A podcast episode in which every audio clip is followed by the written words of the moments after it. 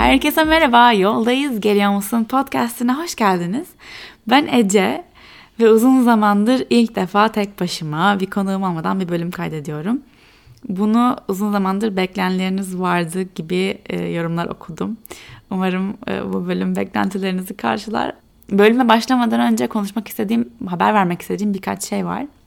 Öncelikle Flow'da iki tane yeni etkinliğimiz var. Birisi 9 Şubat Pazar günü 3.30-4.30 arasında Semih'le, Semih'i biliyorsunuz eğer podcastleri dinliyorsanız e, Semih hem Flow'da hocamız hem de e, beraber e, bir Human Design bölümü kaydetmiştik. E, aşağı doğru inerseniz büyük ihtimalle bölümler arasında bulabilirsiniz. E, Flow'da yaptığımız bir etkinlikti. Şimdi o etkinliğin ikinci bölümü daha derinleş, derinlemesine öğrendiğin bölümü geliyor Human Design. Human Design'i bilmiyorsan eğer ne, ne design diyorsan e, Human Design aslında astroloji, kabala, kuantum fiziği ve daha böyle birçok öğretiyi bir araya getiren ve seni sana aslında anlatan e, bir haritan astrolojik yıldız haritan gibi bir şey. Herkesin haritası üzerinden e, takip edebileceği, daha derinlemesine kendi haritasını okumayı öğrenebileceği bir etkinlik. Human Design hakkında online bilgi bulabilmek gerçekten çok zor.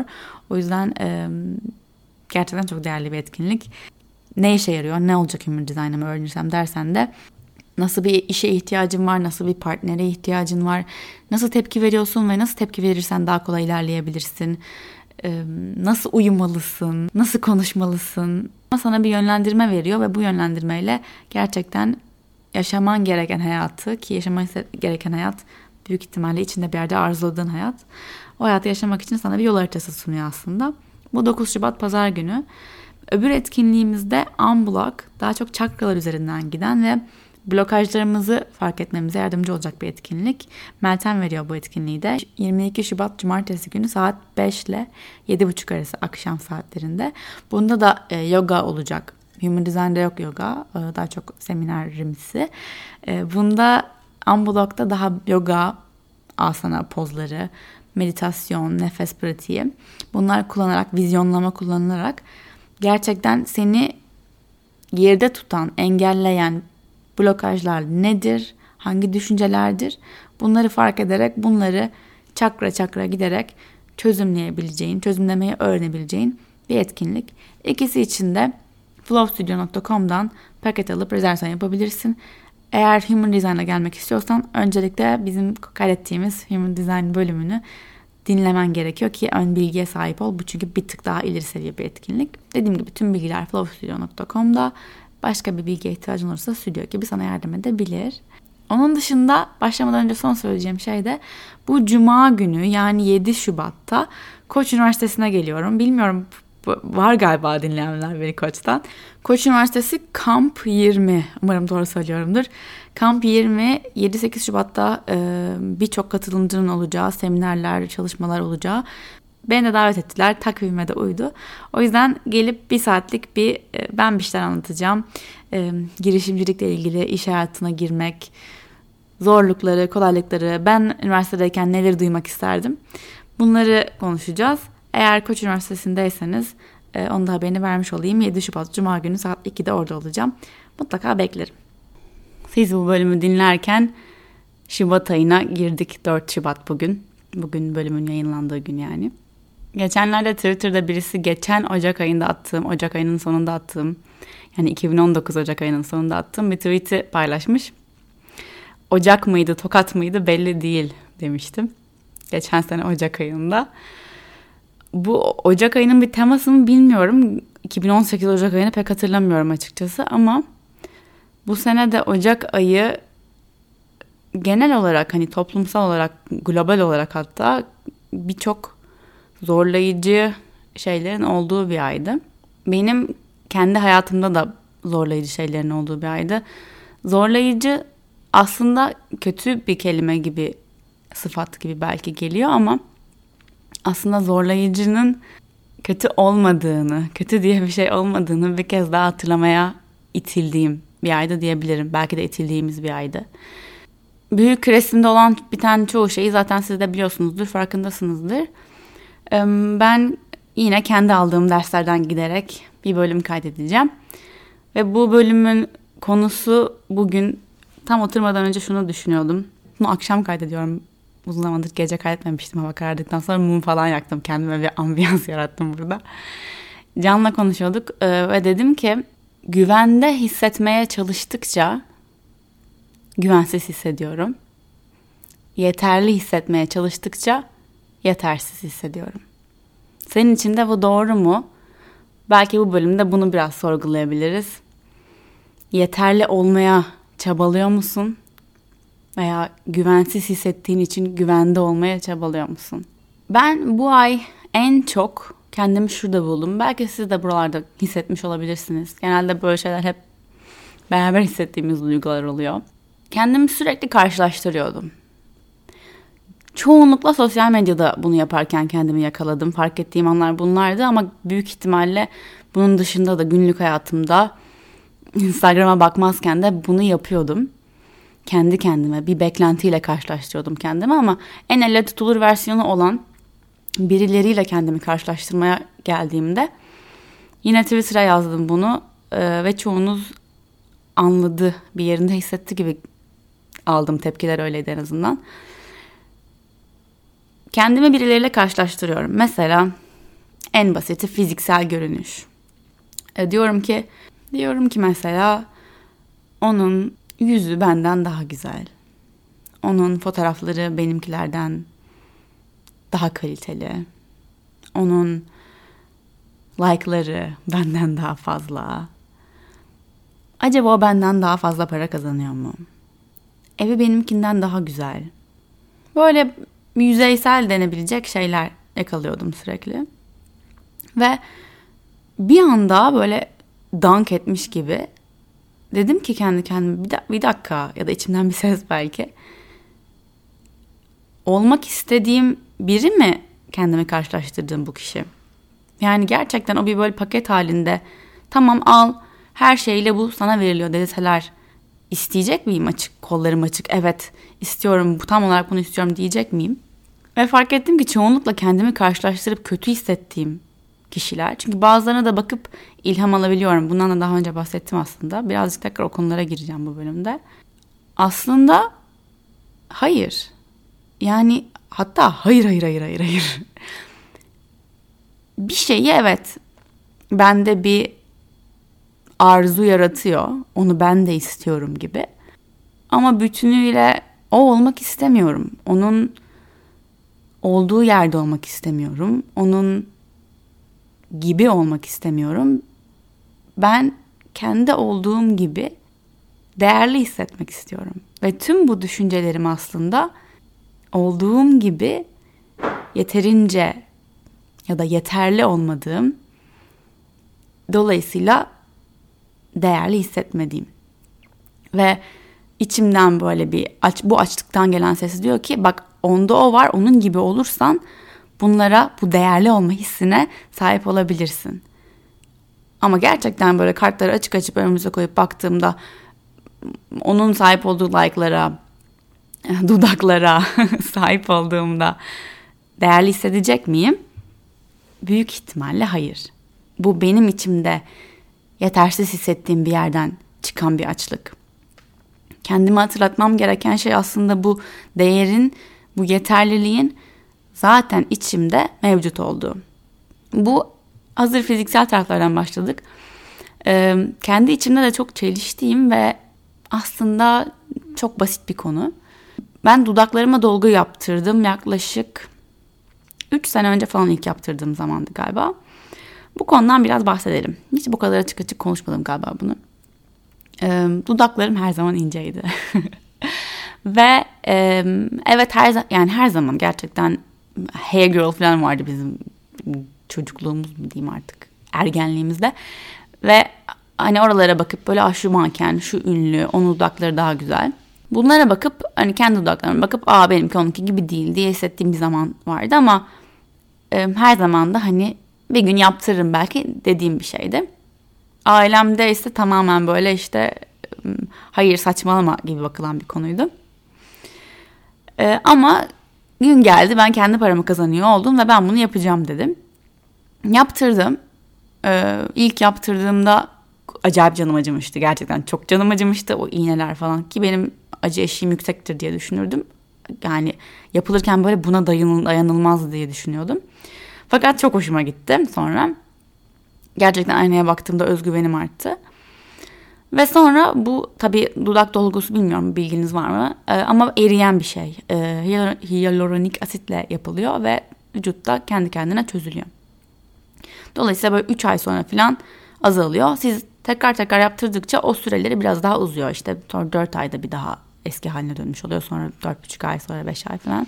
Şu anda böyle bir 6 ay sürüyor diyebilirim benim dudaklarımın orijinaline dönmesi. Ve yani herhalde şu anda ben böyle bir 5-6 kere yaptırmışımdır diye düşünüyorum tekrar tekrar. Fakat arada böyle bir hafızamda kalan anlar diyeyim. Bir ilk yaptırdığımda çok güzel olduğunu söyleyenler vardı. Ee, tabii ki yaptırmamam gerektiğini söyleyenler de vardı. Ee, ama özellikle o zamanlar YouTube'da videolar çektiğim için işte bu dudaklarla da konuşulur mu? İşte bu dudaklarla video çekilir mi? Makyaj yapılır mı? Ruj sürülür mü? Gibi böyle bir sürü yorum da alıyordum. Büyük ihtimalle bunlar da tetikledi benim bu kararı almamı ama dediğim gibi bu tüm bunlardan önce de aslında içimde olan bir şeydi ve yüzleştiğimde o, o kendimde hissettiğim o eksikliği birazcık su üstüne çıkarmış oldu. Sonra aşık oldum. ve erkek arkadaşım gerçekten çok karşıydı. Yani yaptırma, istemiyorum yaptırmanı falan filan. Olduğun gibi güzelsin, böyle seviyorum, yapmacık olacak bilmem ne.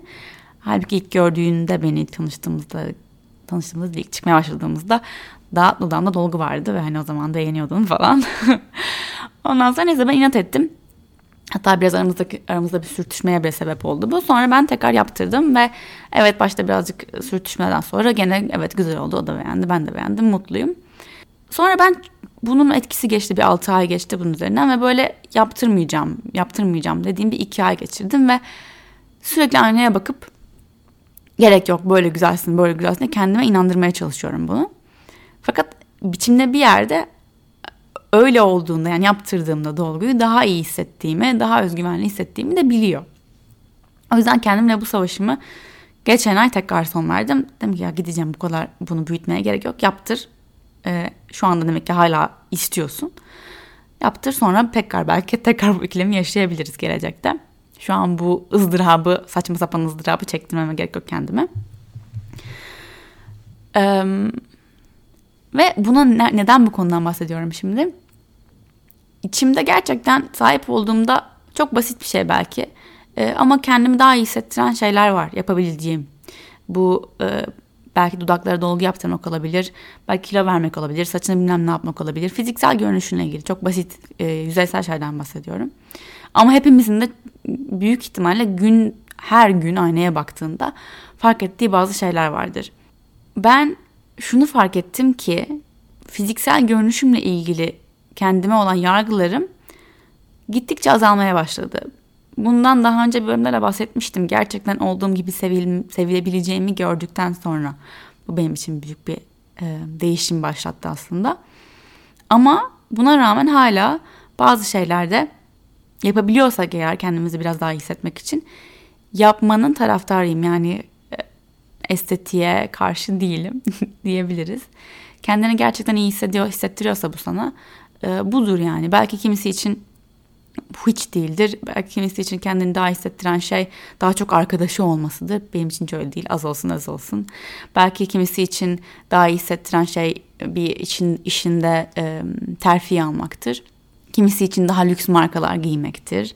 E, kimisi için kaşık koleksiyonu yapmaktır. Her neyse yani bir şeyleri fiziksel fiziksel olarak hayatımızda görmek e, iyi hissettirebilir. Bunun sağlıklı olduğu sürece, farkında olarak yaptığın sürece, kendin için yaptığın sürece, birilerinin gözünde onay almak için, değerli olmak için değil de ben böyle daha iyi hissediyorum diyebildiğin şeyler varsa bunları yapmanın taraftarıyım. Ama şimdi burada birazcık daha işin fiziksel tarafından daha elle tutulamayan şeylere doğru geleceğim güvende hissetmek.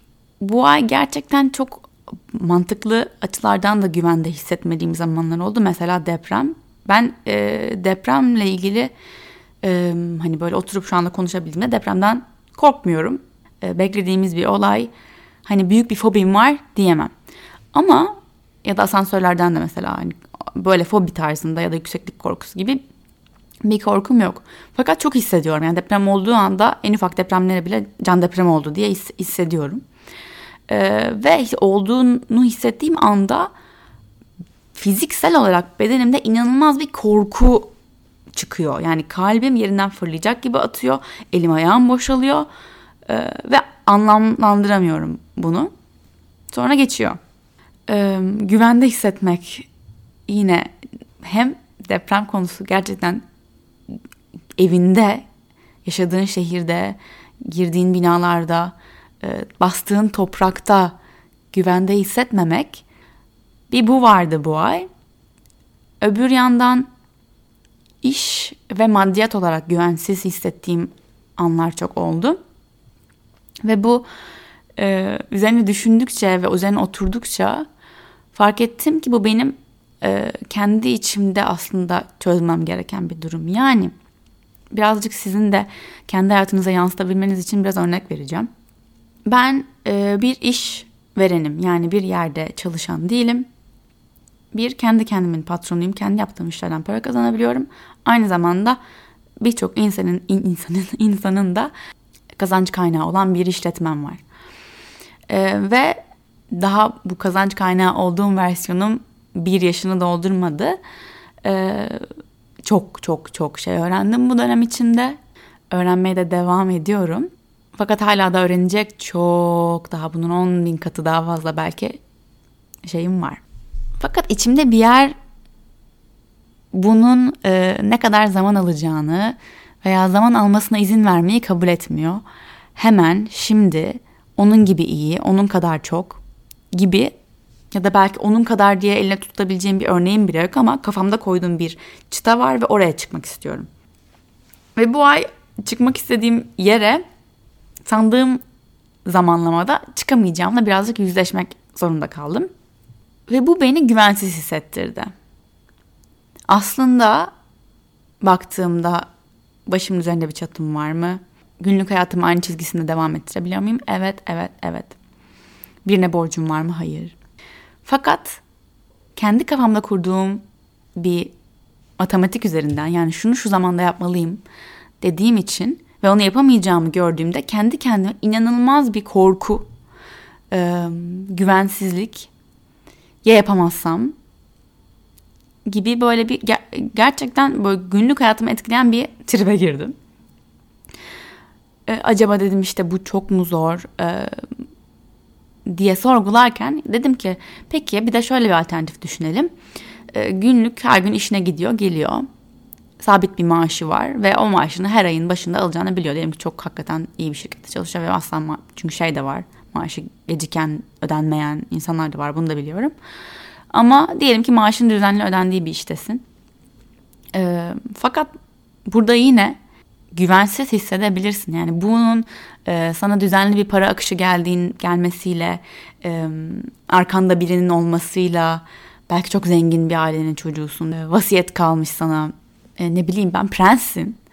E, ama yine de güvensiz hissetme hali bunların hiçbiriyle alakalı değil. Güvensiz hissetme hali hepsinin içinde ortaya çıkabiliyor. Güvende olmama, olmadığını düşünme. Mesela işte aylık maaşın yatıyor diyelim ama düşünebilirsin ki işten çıkarılabilirim. Düşünebilirsin ki bu maaş bana bu ay yetiyor ama önümüzdeki ay yetmezse, tatile gitmek isteyeceğim gidemezsem, sevgilime bir şey almak istiyorum alamazsam gibi gibi gibi yani sen yeter ki senaryoyu yazmak iste. Güvensiz olduğunu sana ispatlamak için, güvende olmadığını ispatlamak için birçok sebep ve örnek bulabilirsin. Ama bu sebepler ve örnekler şu anda gerçek mi? Yani senin tam burada belki şu an bu konuyu dinlerken ya da ben burada şu an oturarak bunu konuşurken gerçekten güvensiz miyim? Güvende değil miyim? Tehlikede miyim? Çünkü bazen gerçekten sürekli tehlike halindeymişiz gibi hareket ediyoruz. Ama durduğunda hayır şu an güvendeyim. Şu an burada bu sandalyenin üzerinde ayaklarımın bastığı bu yerde bu toprakta şu an güvendeyim. Anlık an içinde güveni kendi içinde besleyebilirsen onun gerçekten tehlikede olduğun, belki birazcık daha tehlikede olduğunu diyeyim ya da anlarda bile seni topraklaması, ayaklarını yere bastırması o kadar daha kolaylaşacak. Yani savrulmayacaksın. Kendi içinde güveni büyütebilmek, çiçek açtırabilmek.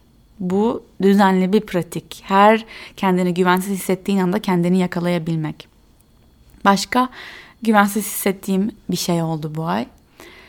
Flow'dan bir şey çalındı. Ee, gerçekten yani para filan değil. Bir, bir şey, obje.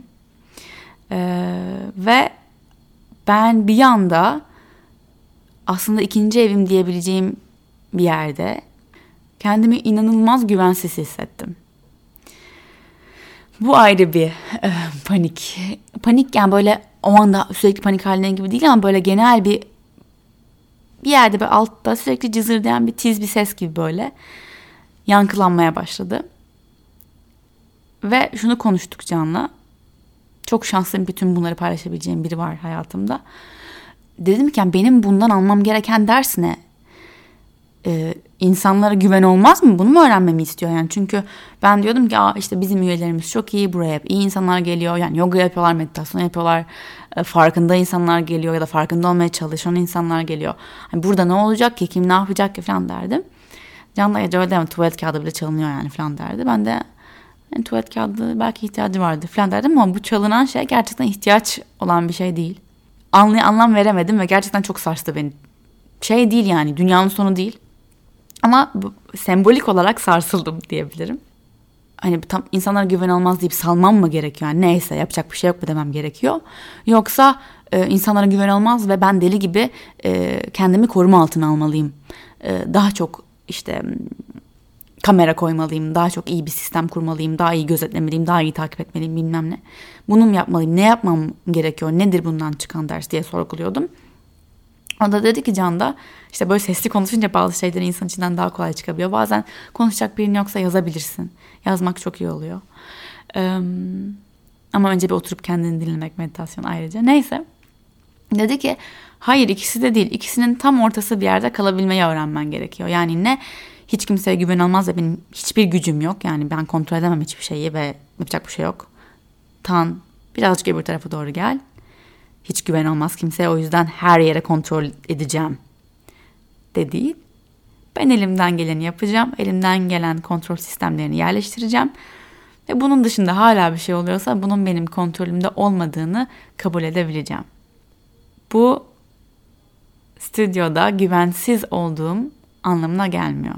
Stüdyonun artık tehlikeli bir yere dönüştüğü anlamına gelmiyor. Bu sadece bir farkındalık, bir uyanış gerektiriyor. İşin e, kişisel gelişim meditasyon tarafına gelince de meditasyonlarda bunu pratik etmeye çalıştım ve burada birazcık kendi kendinize de eğer meditasyon pratiğiniz varsa veya oluşturmaya çalışıyorsanız e, bunu sadece hani oturup nefesini dinlemekten bir adım öteye götürmek için kullanmak kullanmakta birkaç e, ipucu ya da taktik verebilirim. Meditasyona oturduğunda sessizlikte kaldığında ve bir süreyi aştığında diyeyim hem düzenli pratiğinde hem de oturduğun andaki o seferki pratiğindeki dakika süresi gibi içeride olan bazı şeylerin belki bastırdığın duyguların, düşüncelerin, korkuların yüzeye çıkması, farkındalığının ön perdesine yansıması çok doğal. Benim ilk önerim eğer yeniysen pratikte bunlar yüzeye çıkmaya başladıkça onlara kapılmaktansa baktın geliyor bırak gitsin. Baktım aklıma geliyor şunu çaldılar stüdyoda bu güvensizlik yaratıyor bende gibi bir duygu geliyor mesela. Ve pratikte yeniyim. Hiç düşünmüyorum ve serbest bırakıyorum. Geldi, oldu, geçti. Geldi, gördüm, geçmesine izin verdim. Ve baktım ki bunu denedim, çabaladım. Oturuyorum hala meditasyonda. Geldi diyorum, oldu diyorum, gördüm diyorum, geçsin diyorum. Geçiyor, tekrar geliyor, geçiyor, tekrar geliyor, geçiyor, tekrar geliyor. Baktım ki baş edemiyorum bu geldi oldu geçsin ne bu ya hiçbir işe yaramıyor noktasına geldim ki bazen işe yarıyor gerçekten. Çünkü bazı şeyler gerçekten o kadar aslında serbest bırakmanla ilgili ama bazı şeyler birazcık daha derinde ilgilenme, ilgilenilmeyi bekleyen şeyler. Ve diyelim ki evet sürekli ortaya çıkıyor meditasyonunda. O zaman meditasyonun ana odağını o yapacaksın. Yani meditasyonda aslında odak nefeste ve anda ya.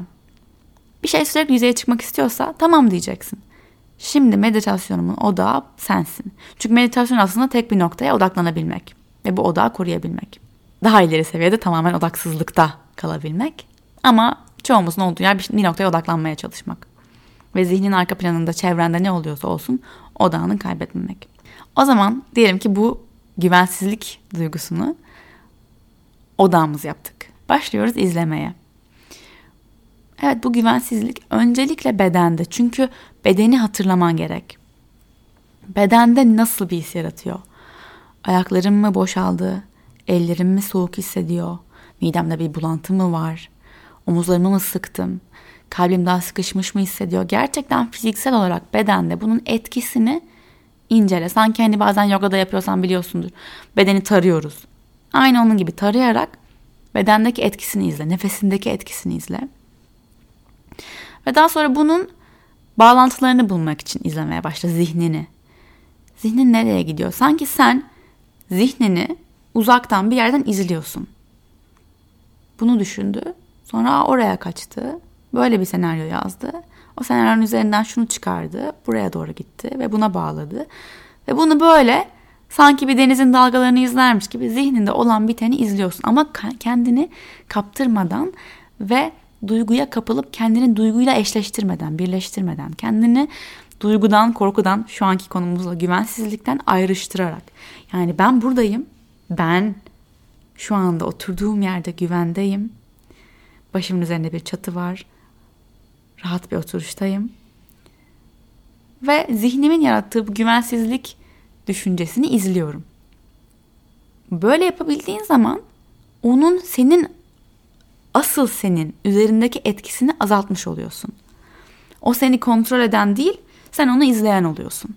Ve bazen izledikçe nereden geldiğini, bu duyguyu kaç yaşında öğrendiğini, aslında hayatının başka nerelerinde baş gösterdiğini fark etmeye başlayabilirsin.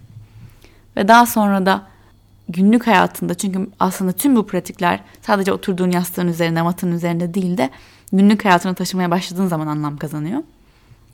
Günlük hayatında tekrar o güvensiz yerden mesela ilişkilerinde bir terslik çıkarıyorsan, bir huysuzluk yapıyorsan, a bu aslında oradan tetiklendi diyebiliyor oluyorsun ve belki birazcık formunu değiştiriyorsun tepkilerinin. Çünkü aslında içinde her zaman güvenli bir yer var. Kendi içinde oturduğunda görebileceğin, sadece var olabileceğin güvenli bir yer var içinde. Bu bölümün konusu güven ama senin için bu sevgi ise içinde sevgiden gelen bir yer var. İçinde sevgi var, anlayış var, şefkat var. Hepsi var. Onu hatırlayıp ona dokunmak. Ve yine günlük hayatında tetiklendiği zaman bazı şeyler. Mesela e, benim için bu hafta değil, geçen hafta yine ilişkilerden gideceğim. Can'la çok basit bir konu üzerinden böyle bir gerildik.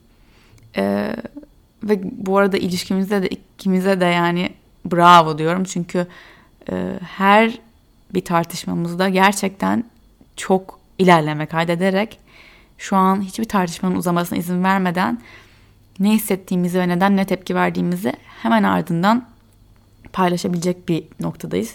İnanılmaz çok şükür. Ve şöyle oldu ben gerildik yani ilk hissettiğim şey hıy gıcık oldum şu an beni sinir etti tamamen böyle bir ağırlık ve öfkelenme gibi bir haldeyim. Tabii ki onda da bunun bir yansıması var. Onun da hissettiği bazı şeyler var. Fakat sonra gerçekten 10 dakika boyunca 10 dakika sonra diyeyim ya da yani 10 dakika mola sonrasında konuştuğumuzda ben hakikaten durdum böyle yani arabada gidiyorduk durdum 5 dakika sürdü bunu düşünmem. Ve dedim ki ben böyle tepki verdim. Çünkü ben bana bir şey yapamayacağımı söylediğini hissettim. Yani beni engelliyorsun gibi hissettim. Ben engellenmiş hissettim. Engelliyorsun değil de ben öyle hissediyorum. Yani his, his benim çünkü duygu benim. O bana bunu hissettirmedi. Bu benim içimden çıktı. O sadece bir şey söyledi. Onun yaptığı şey bir şey yaptı. Ve ben onun karşısında bunu hissettim. Dedim ki ben engellenmiş hissettim. Ve kendimde şunu gördüm. Biri bana bir şey yapamazsın dediğinde bu beni gerçekten çok öfkelendiriyor. Ya da yap- yapamazsın veya senin dediğin gibi yaparsak olmaz. Öyle olursa güzel olmaz. Yani benim önüme bir engel kafama koyduğum bir şey bir engel geldiği zaman çok öfkeleniyorum. Bu benimle ilgili bir şey. Seninle ilgili değil biliyorum. Ama bunu yaptığın zaman ben böyle hissettim. Ve o da aynı taraf şekilde kendi tarafından işin boyutunu anlattı. Yine de e, şeye gelmedik yani. Aa vah evet sen haklıymışsın ben haklıymışım gibi değil. Öyle olmuyor. Sadece ha öyle mi? Ben de böyle. De konuyu kapattık. İlişkilerde de işte anlaşmazlık kaçınılmaz. Önemli olan bu anlaşmazlıklardan daha güçlü mü çıkıyorsun? İlişkiniz daha güçlü mü oluyor bu tartışmalardan, anlaşmazlıklardan sonra? Yoksa daha yıpranmış mı? Çünkü o ip belki her anlaşmazlıkta inceliyor, inceliyor, inceliyor ve inceldiği yerden kopsun denir ya. Öyle bitiyor bazen ilişkiler. Ben de o şekilde biten çok ilişkim oldu yani.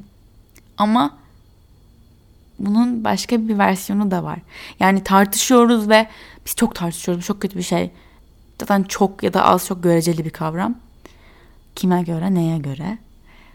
Biz tartışıyoruz ve bu kötü bir şey mi?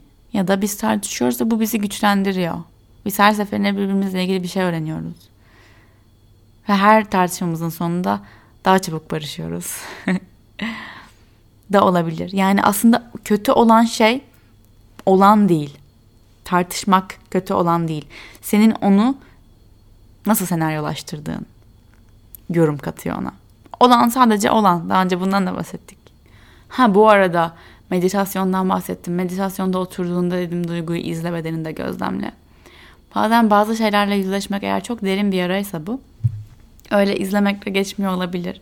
Her oturduğunda ortaya çıkıyor olabilir, yüzeye geliyor olabilir. Çok ağır geliyorsa bazı şeyler çık meditasyondan git. Dikkatini dağıtacak, kafanı dağıtacak başka bir şey yap. Yemek yap, müzik dinle, dans et, kitap oku her neyse. Ertesi gün tekrar dene. Ama vazgeçme. Denedikçe oluyor. Denedikçe oluyor. Ve ne yapmayı deniyoruz aslında? Kendimizi olduğumuz gibi değerli bulmayı, şu anda güvende olduğumuzu hatırlamayı, sürekli o tehlike halinde hareket etmemeyi, tehlike değmiş gibi o e, kaç ya da savaş içgüdüleriyle hareket etmemeyi. Evet bunlar bir yerde sana hizmet etmiş, sana yardımcı olmuş, seni korumuş, ilerletmiş olabilir. Ama o zamanla bu zaman aynı değil. Bu belki atalarından gelen bir kalıntı bile olabilir. Gerçekten insanlığın bir devrinde kaç ya da savaş başka bir opsiyonun yokmuş. Ama şu anda böyle olmak zorunda değil. Konuşabilirsin. Düşünebilirsin. Zaman yarat kendine. Kendini anlamak için. En büyük tartışmalar, en büyük kendi içindeki fırtınalar kendini anlamamaktan geliyor. Çünkü kendini anlamaya vakit ayırmıyorsun. Hep yap yap yap koş koş koş savaş ya da kaç. Savaş ya da kaç da sürekli tehlikede olduğunu düşündüğünden geliyor. Hissettiğinden. Zihin öyle bir şey ki gerçekten tehlikede olman gerekmiyor tehlikede olduğunu düşünmek için. Ee, hani belki daha rast gelmişsinizdir belki bir YouTube videosunda belki bir yerde televizyonda. Bir senaryo dinlediğinde diyelim ki gözlerini kapattın ve bir savaş alanında olduğunu düşündün veya gözlerini kapattın ve hmm, tehlikede gerçekten tehlikeli olan bir şey düşündün. Bedenin fiziksel olarak zihnin e, bu tehlike anını hissettirmesi, hormonların bu şekilde çalışmaya başlaması an meselesi. Yani gerçekten oluyor olması gerekmiyor bedenin öyle hissetmesi için. Düşüncesi bile yetiyor. O yüzden düşünceler çok kuvvetli. O yüzden ne düşünüyorsan enerjini oraya aktarıyorsun, akıtıyorsun. Yapmaya çalıştığım şey, yapmaya çalıştığım şey son bir ayda yani bu düşüncelerimi daha kısa anlarda daha beni ele geçirmeden yakalamaya çalışmaktı ve tehlikede hissettiğim anda belki egomun daha da tehlikeli gördüğü kırılganlığımı göstermek. Yani ego diyor ki hayır hayır hayır zaten tehlikedesin bir de kırılganlığını mı ortaya koyacaksın? Bu çok tehlikeli. Ama sen ona rağmen ya sen bir dur ya sen bir dur ben bir de bunu deneyeceğim deyip tüm kırılganlığınla ben aslında böyle hissediyordum ve bu bana böyle hissettirdi diyebildiğinde aslında egoya bir kapak yapıyorsun. Çünkü görüyorsun ki aslında tehlikeli değilmiş kırılgan olmak. İlişkiler kırılgan oldukça sen güçlenebilirmiş. Kırılgan oldukça sen, sen sen oldukça, kendini gördükçe ve yansıttıkça olduğun gibi hem başkalarıyla ilişkilerin güçleniyor hem de kendinle olan ilişkin güçleniyor ki bu en önemlisi. Kendinle olan ilişkinin güçlenmesi. Çünkü diğer tüm ilişkilerinde bunun birer yavrusu. Bazen e, podcastlerde böyle konuşuyorum. Aslında hani sizle konuşuyorum ama aslında kendimle konuşuyorum. Aslında kendime söylüyorum. Ben benim kendime söylemeye ihtiyacım varsa bazı şeyleri birilerinin de bunları duymaya ihtiyacı vardır diye düşünüyorum. Bazen benim söylediğim bir şey podcast'te e, bir yere yazıyorsunuz bir caption'a bir tweet'e bir şeye ve o bunu ben mi demişim ya gerçekten şu an bunu duymaya ihtiyacım vardı diyorum. Ee, bazı şeyleri gerçekten zaten fazla değil her söylediğim her şeyi ben e, icat etmedim ben uydurmadım. E, ben de benden önce gelen ve benle beraber devam eden bir e, kolektif bilincin parçasıyım ve bunu paylaşıyorum. Elimden gelenin en iyisi bu. Başka birine benzemeye ihtiyacım yok. Eksiklikten değil de kendi içimde var olan yetenekleri kullanarak değerimi paylaşabilirim. Ve bunun için kimsenin onayına ihtiyacım yok. Onaylanma arzusu çok fena bir bataklık. Çünkü onaylandıkça daha fazla onaylanmak istiyorsun. Onaylanmadıkça onay istiyorsun. Uf. Kendi kendini onaylıyor musun? Son olarak da şunu da bir söyleyesim geldi. Belki duyması gereken biri vardır. Geçen gün bir toplantı yapıyorduk bir markayla ve dedi ki e, işte global bir marka. Globalden bize gelen e, yönlendirme şu şekilde. Siz bizim dediğimizi yapın, gerisini önemsemeyin. Yani bu metod işe yarıyor. Çok soruşturmayın, sorgulamayın. E, sonuçlarına biz bakıyoruz zaten diyorlar dedi.